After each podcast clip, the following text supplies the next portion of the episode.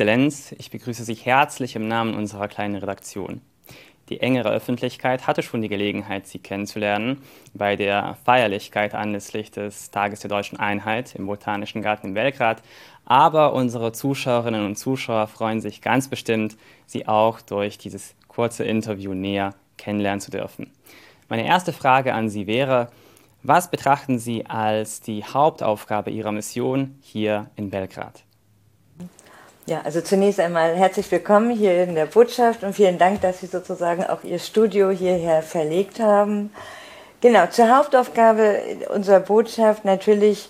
Ähm, das erste ist, die diplomatischen Beziehungen, unsere bilateralen Beziehungen äh, zu fördern und Serbien aktiv auf seinem Weg in die Europäische Union zu begleiten. Ähm, und äh, vor allen Dingen auf dem Reformweg, äh, der nicht immer ganz einfach ist. Ähm, wir sehen da Rechtsstaatlichkeit, wir sehen die Frage von Menschenrechten, ähm, aber natürlich auch die ganze breite Agenda von, von Themen, wo noch äh, Bedarf ist.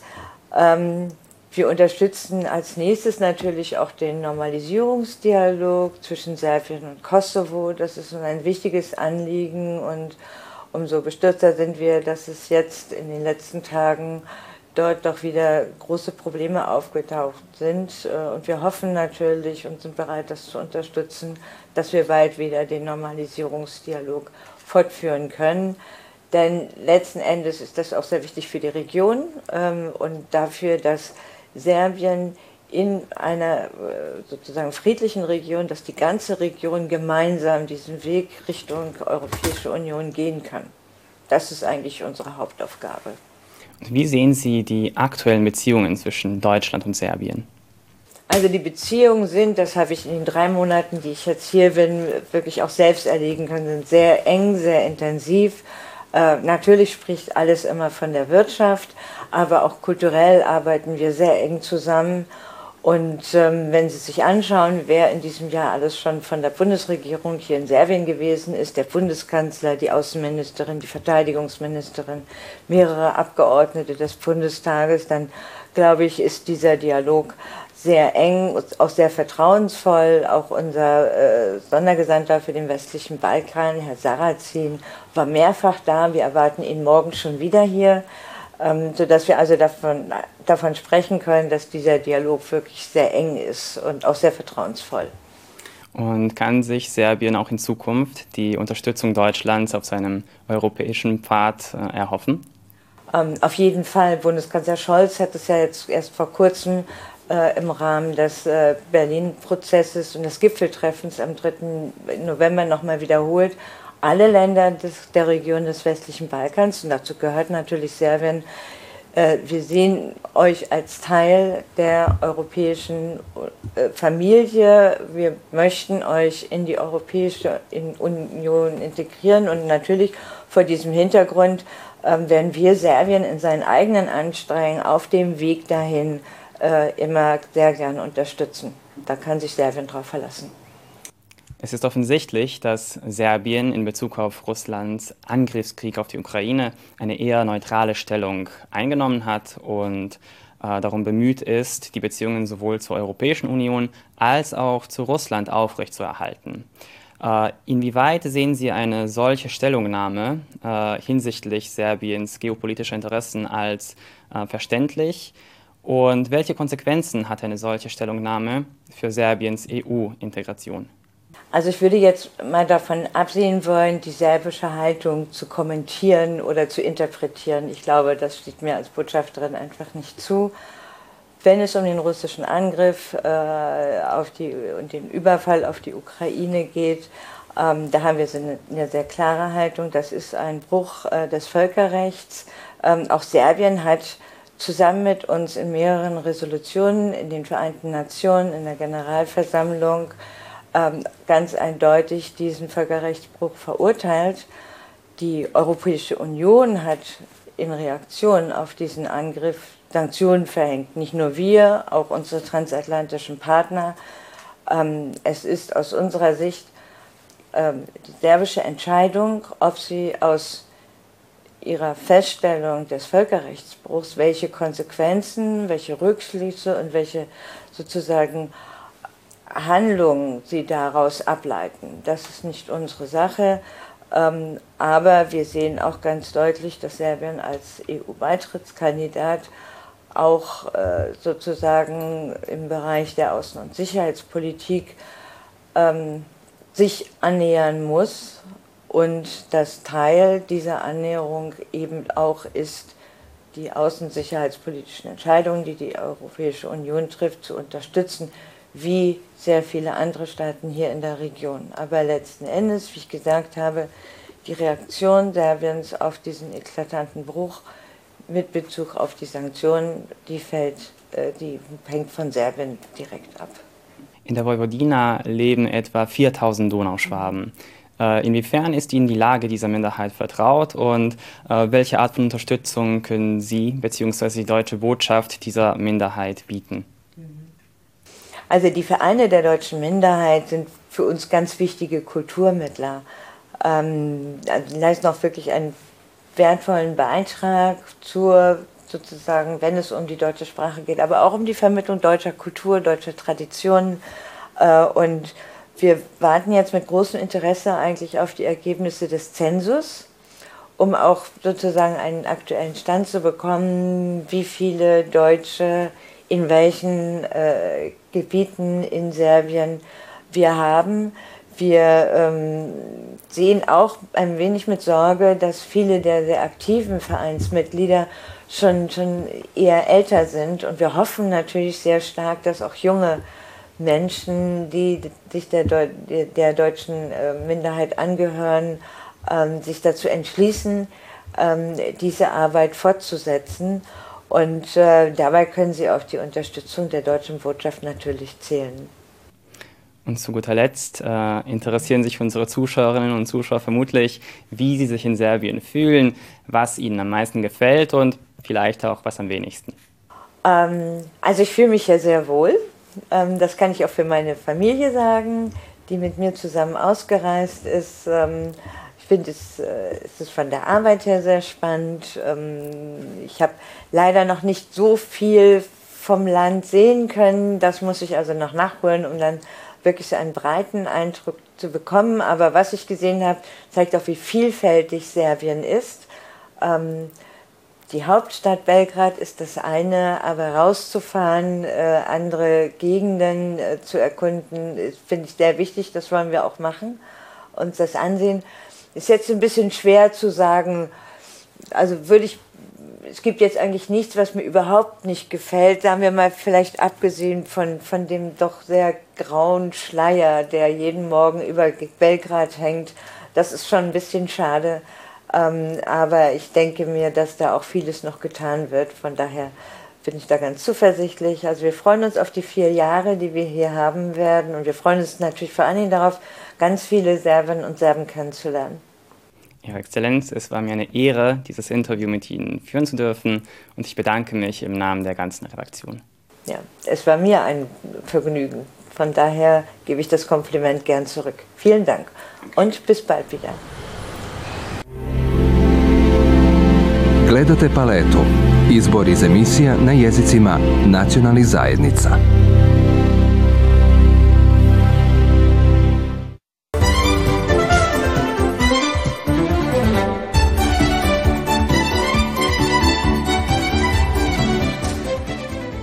An genau 949 Wahlorten konnten sich die insgesamt 2329 eingetragenen Wähler der deutschen Minderheit an den Nationalratswahlen am vergangenen Sonntag beteiligen. Um die 20 Tage nach den Wahlen, also voraussichtlich Anfang Dezember, kann der neue deutsche Nationalrat in Serbien aufgestellt werden. Dieser wählt darauf seinen Präsidenten sowie Vizepräsidenten und formt seine Verwaltungsorgane. Die Beteiligungsrate der Wahlberechtigten innerhalb der deutschen Minderheit betrug um die 30 Prozent. Dieses Jahr, heuer, gibt es nur eine Liste und äh, für mich, das bedeutet, dass es eine Einheit gibt und äh, das hoffentlich können wir sagen, dass die zukünftige Nationalrat wird so gut, Minimum so gut funktionieren wie die vorige. Ich hoffe, dass alles wird in Ordnung sein und dass wir in 20 Tagen werden unsere neu gegründete Nationalrat haben.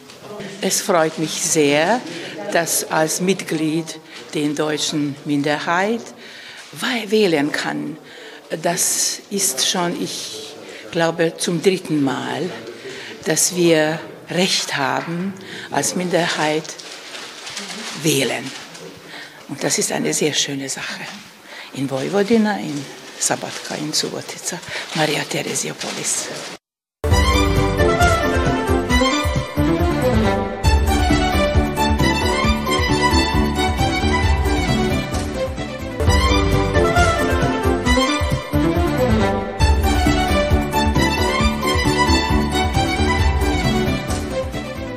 Es ist Ende Oktober und wir befinden uns in Maglic bzw. das ehemalige Bulkesch, das in der Batschka zwischen den Flüssen Donau und Tis liegt.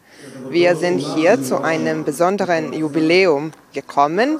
Es handelt sich nämlich um das 200.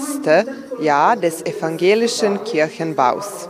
Ich komme aus Apatin, aus dem Donauschwäbischen Kirchenmuseum, das wir in Apatin gegründet haben, mit dem Ziel, äh, dass wir für das deutsche Kulturerbschaft uns ein bisschen kümmern hier in der Vojvodina, wo sie auch von, von bedroht ist äh, in den letzten 70 Jahren. Bulkes äh, ist ein evangelisches äh, Dorf, ein deutsches evangelisches Dorf und dieses Dorf ist in der Zeit vom Josef II., das bedeutet in der, Letzt, in der Ende des 18. Jahrhunderts gegründet, als die Evangeliken aus, aus, aus der Pfalz hier angesiedelt sind. Wir feiern jetzt 200 Jahre der Kirche in Bulkes, dass hier wirklich ganz schöne Sachen passieren. Die Bevölkerung ist sehr bewusst, wie wertvoll diese evangelische Kirche ist, nicht nur für Bulkes, sondern überhaupt für die Vojvodina.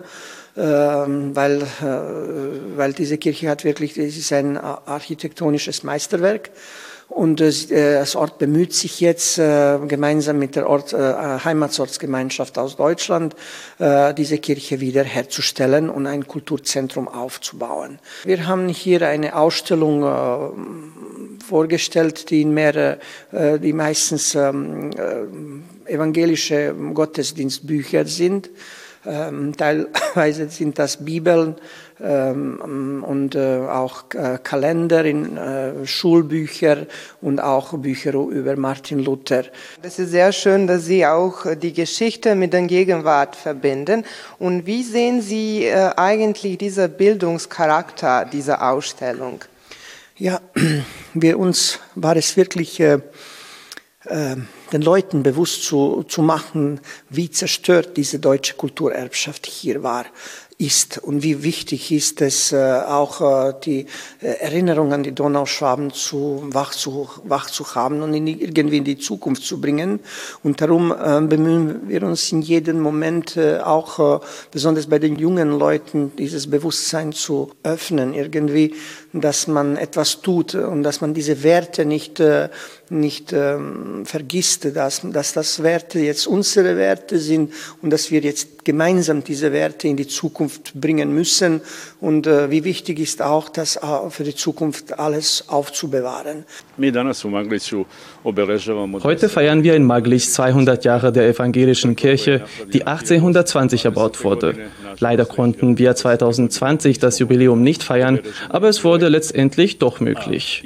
Seit vielen Jahren arbeiten wir mit den ehemaligen Bewohnern von Bulkes zusammen und aus dieser Partnerschaft sind bereits Freundschaften entstanden, die jetzt fast 20 Jahre dauern. Hier in Maglich haben wir heute Gäste aus der Stadt Kirchheim und Tatek, Gäste aus der Heimatgemeinde Bulkes, die ehemaligen Einwohner von Bulkes versammelt und auch Gäste von einem neuen Verein aus der Partnerstadt Kirchheim. Diese bestehende Kirche soll zu einem multifunktionalen Kulturzentrum werden, was unser Hauptziel ist. Wir hoffen, dass es etwas Einzigartiges wird und dass es unterschiedliche talentierte Künstler versammelt.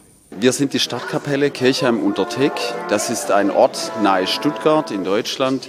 Also es handelt sich hier ja konkret um die 200-jährige, das 200-jährige Jubiläum der örtlichen Kirche.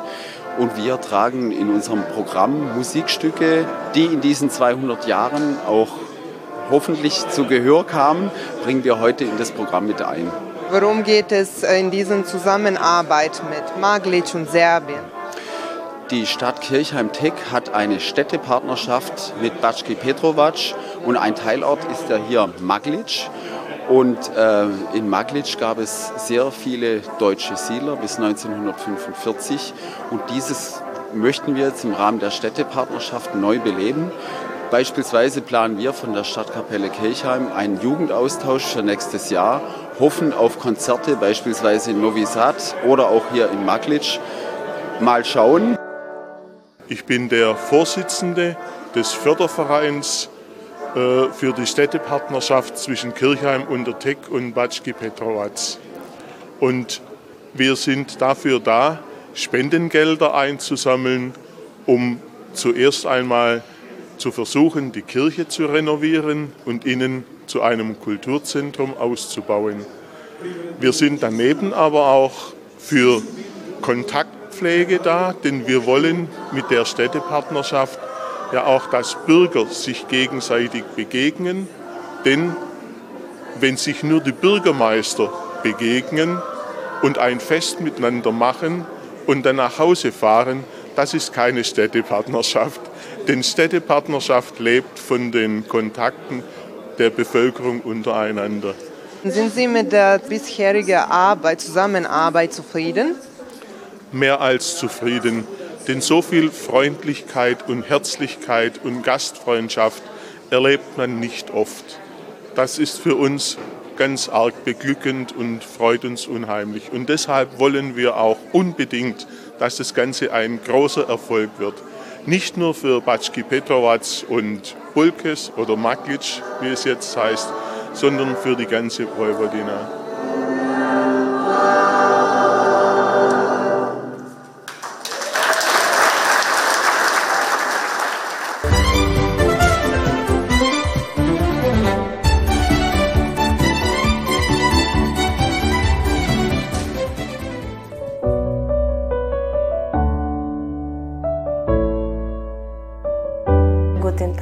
Herzlich willkommen. Ich heiße Maria Gruitsch und ich bin die äh, Vorsitzende des Deutschen äh, Vereins Hennemann in Werschatz. Also hier ist im Februar ein neuer deutscher Verein gegründet namens Hennemann. Wieso ist es dazu gekommen? Es ist dazu gekommen, weil es hier in der Gegend in Banat eine kleine Minderheit äh, deutscher Nachkommen gibt, die mittlerweile dessen bewusst sind, dass es schade wäre, die deutsche Identität zu verlieren. Beziehungsweise einige wollen sie noch bewahren, einige wollen sich daran erinnern. Und deswegen haben sie beschlossen, sich zusammenzutun und einen Verein zu gründen, weil es äh, mit einem Verein einfacher ist, organisatorisch einfacher. Was sind eigentlich die Ziele des Vereins und worin spiegelt sich die Tätigkeit? Die Ziele des Vereins sind vor allem äh, Menschen, die in dieser Gegend leben und sich als Deutsche verstehen, zusammenzubringen also Kurse für Kinder und Erwachsene, die wären kostenlos für die Mitglieder, so ist die Idee. Und äh, es gibt einen, also könnte man sagen, symbolischen Mitgliedsbeitrag. Und äh, damit ist man ja Mitglied des Vereins und äh, man kann an den Aktionen oder Veranstaltungen teilnehmen, die man hier gedenkt zu organisieren. Sie sind hier Mitarbeiter. Seit wann? Ja, ich bin ein Mitarbeiter äh, des Vereins äh, seit einem Monat, seit einem Monat. Ja, und äh, Sie lernen noch immer Deutsch? Ja, ich lerne noch immer Deutsch hier bei Hernemann. Und was sind Ihre Aufgaben hier? Ich bin also, also äh, selbstgenannten äh, soziale Netzwerke Manager. Ich leite äh, unsere Instagram-Seite und unsere Facebook-Seite des Vereins. Wer war Herr Heinemann? Herr Heinemann äh, war im 18. Jahrhundert ein lokaler Held, der durch List und äh, schlaue äh, Züge einen äh, Angriff der Türken abgewehrt hat. Und äh, diese Eigenschaften möchte man auch so in einem gewissen Sinne weitertragen an die weitere, an die neueren Generationen, dass man es äh, versucht, nicht brachial, sondern listig und clever vorzugehen. Er war Deutsche, aber wie ich gelesen und gehört habe, er hat die hiesige Bevölkerung vereinigt irgendwie. Genau, der hat die hiesige Bevölkerung vereinigt und zwar so sehr, dass in der Zeit des, äh, während des Zweiten Weltkrieges diese Stadt hier, Werschetz, Heinemannstadt hieß. Also es war schon wichtig.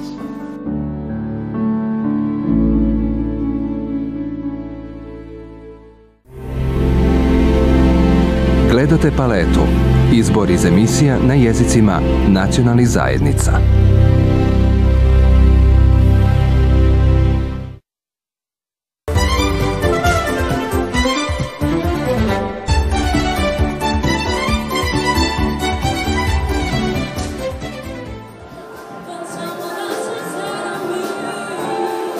Wir befinden uns im Hotel Hilton auf dem Nationalfeiertag von Österreich.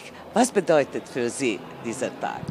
Ja, am 26. Oktober feiert Österreich das Neutralitätsgesetz, das 1955 die immerwährende österreichische Neutralität in die Verfassung verankert hat. Das ist ein wichtiger Tag aus vielen Gründen.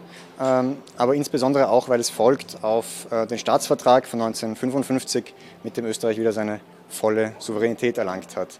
Es ist deshalb ein wichtiger Tag und äh, wir feiern in der ganzen Welt, wo Österreicher sind, äh, gemeinsam mit unseren Partnern und Freunden. Und es freut mich, dass wir dieses Jahr nach, nach zwei Jahren Pause mit der Pandemie es wieder geschafft haben, unsere Freunde aus Serbien und insbesondere natürlich auch aus der Vojvodina äh, hier einzuladen und, und uns wieder zu treffen und auszutauschen. Poštovane Dame herzlich willkommen beim österreichischen Nationalfeiertagsempfang.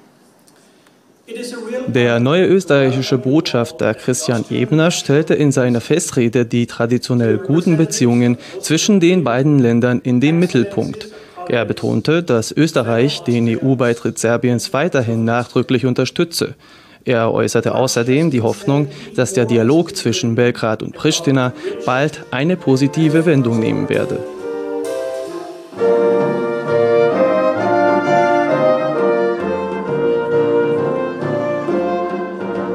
Es ist der österreichische Nationalfeiertag. Der wurde eingeführt äh, nach der Schande, äh, als sich Österreich äh, sozusagen dem Hitler untergeordnet hatte und dann die Gnade der Großmächte fand und wieder als Staat erstehen durfte. Und insofern ist das der Tag, der sozusagen diese Zäsur markiert, dass Österreich als Staat wieder da war. Wichtig ist auch, man sagt Nationalfeiertag, äh, aber Österreich ist ja, die Österreicher sind keine ethnische Nation, sondern es ist eine Verfassungsnation. Tatsächlich gründet äh, die Republik Österreich eben auf einer republikanischen, demokratischen Verfassung, die es auch schon in der sogenannten Ersten Republik gab, also vor dem Zweiten Weltkrieg. Nur waren damals die Umstände so, dass die äh, wirtschaftlichen Stürme und die Schwäche auch der politischen Protagonisten dazu führte, dass Österreich in den Hitlerismus abglitt. Hallo, mein Name ist Lara Fuchs. Ich bin aus Österreich, wie man vielleicht hört. Und was bedeutet für Sie dieser Feiertag? Ähm, dieser Feiertag steht für mich für Österreich, für die Tracht, äh, für einen freien Tag in der Schule, für einen freien Tag in der Uni und dafür, dass wir unsere Flagge mehr oder weniger stolz aus dem Fenster hängen dürfen. Vielen Dank und herzliche Glückwünsche zum Feiertag. Danke.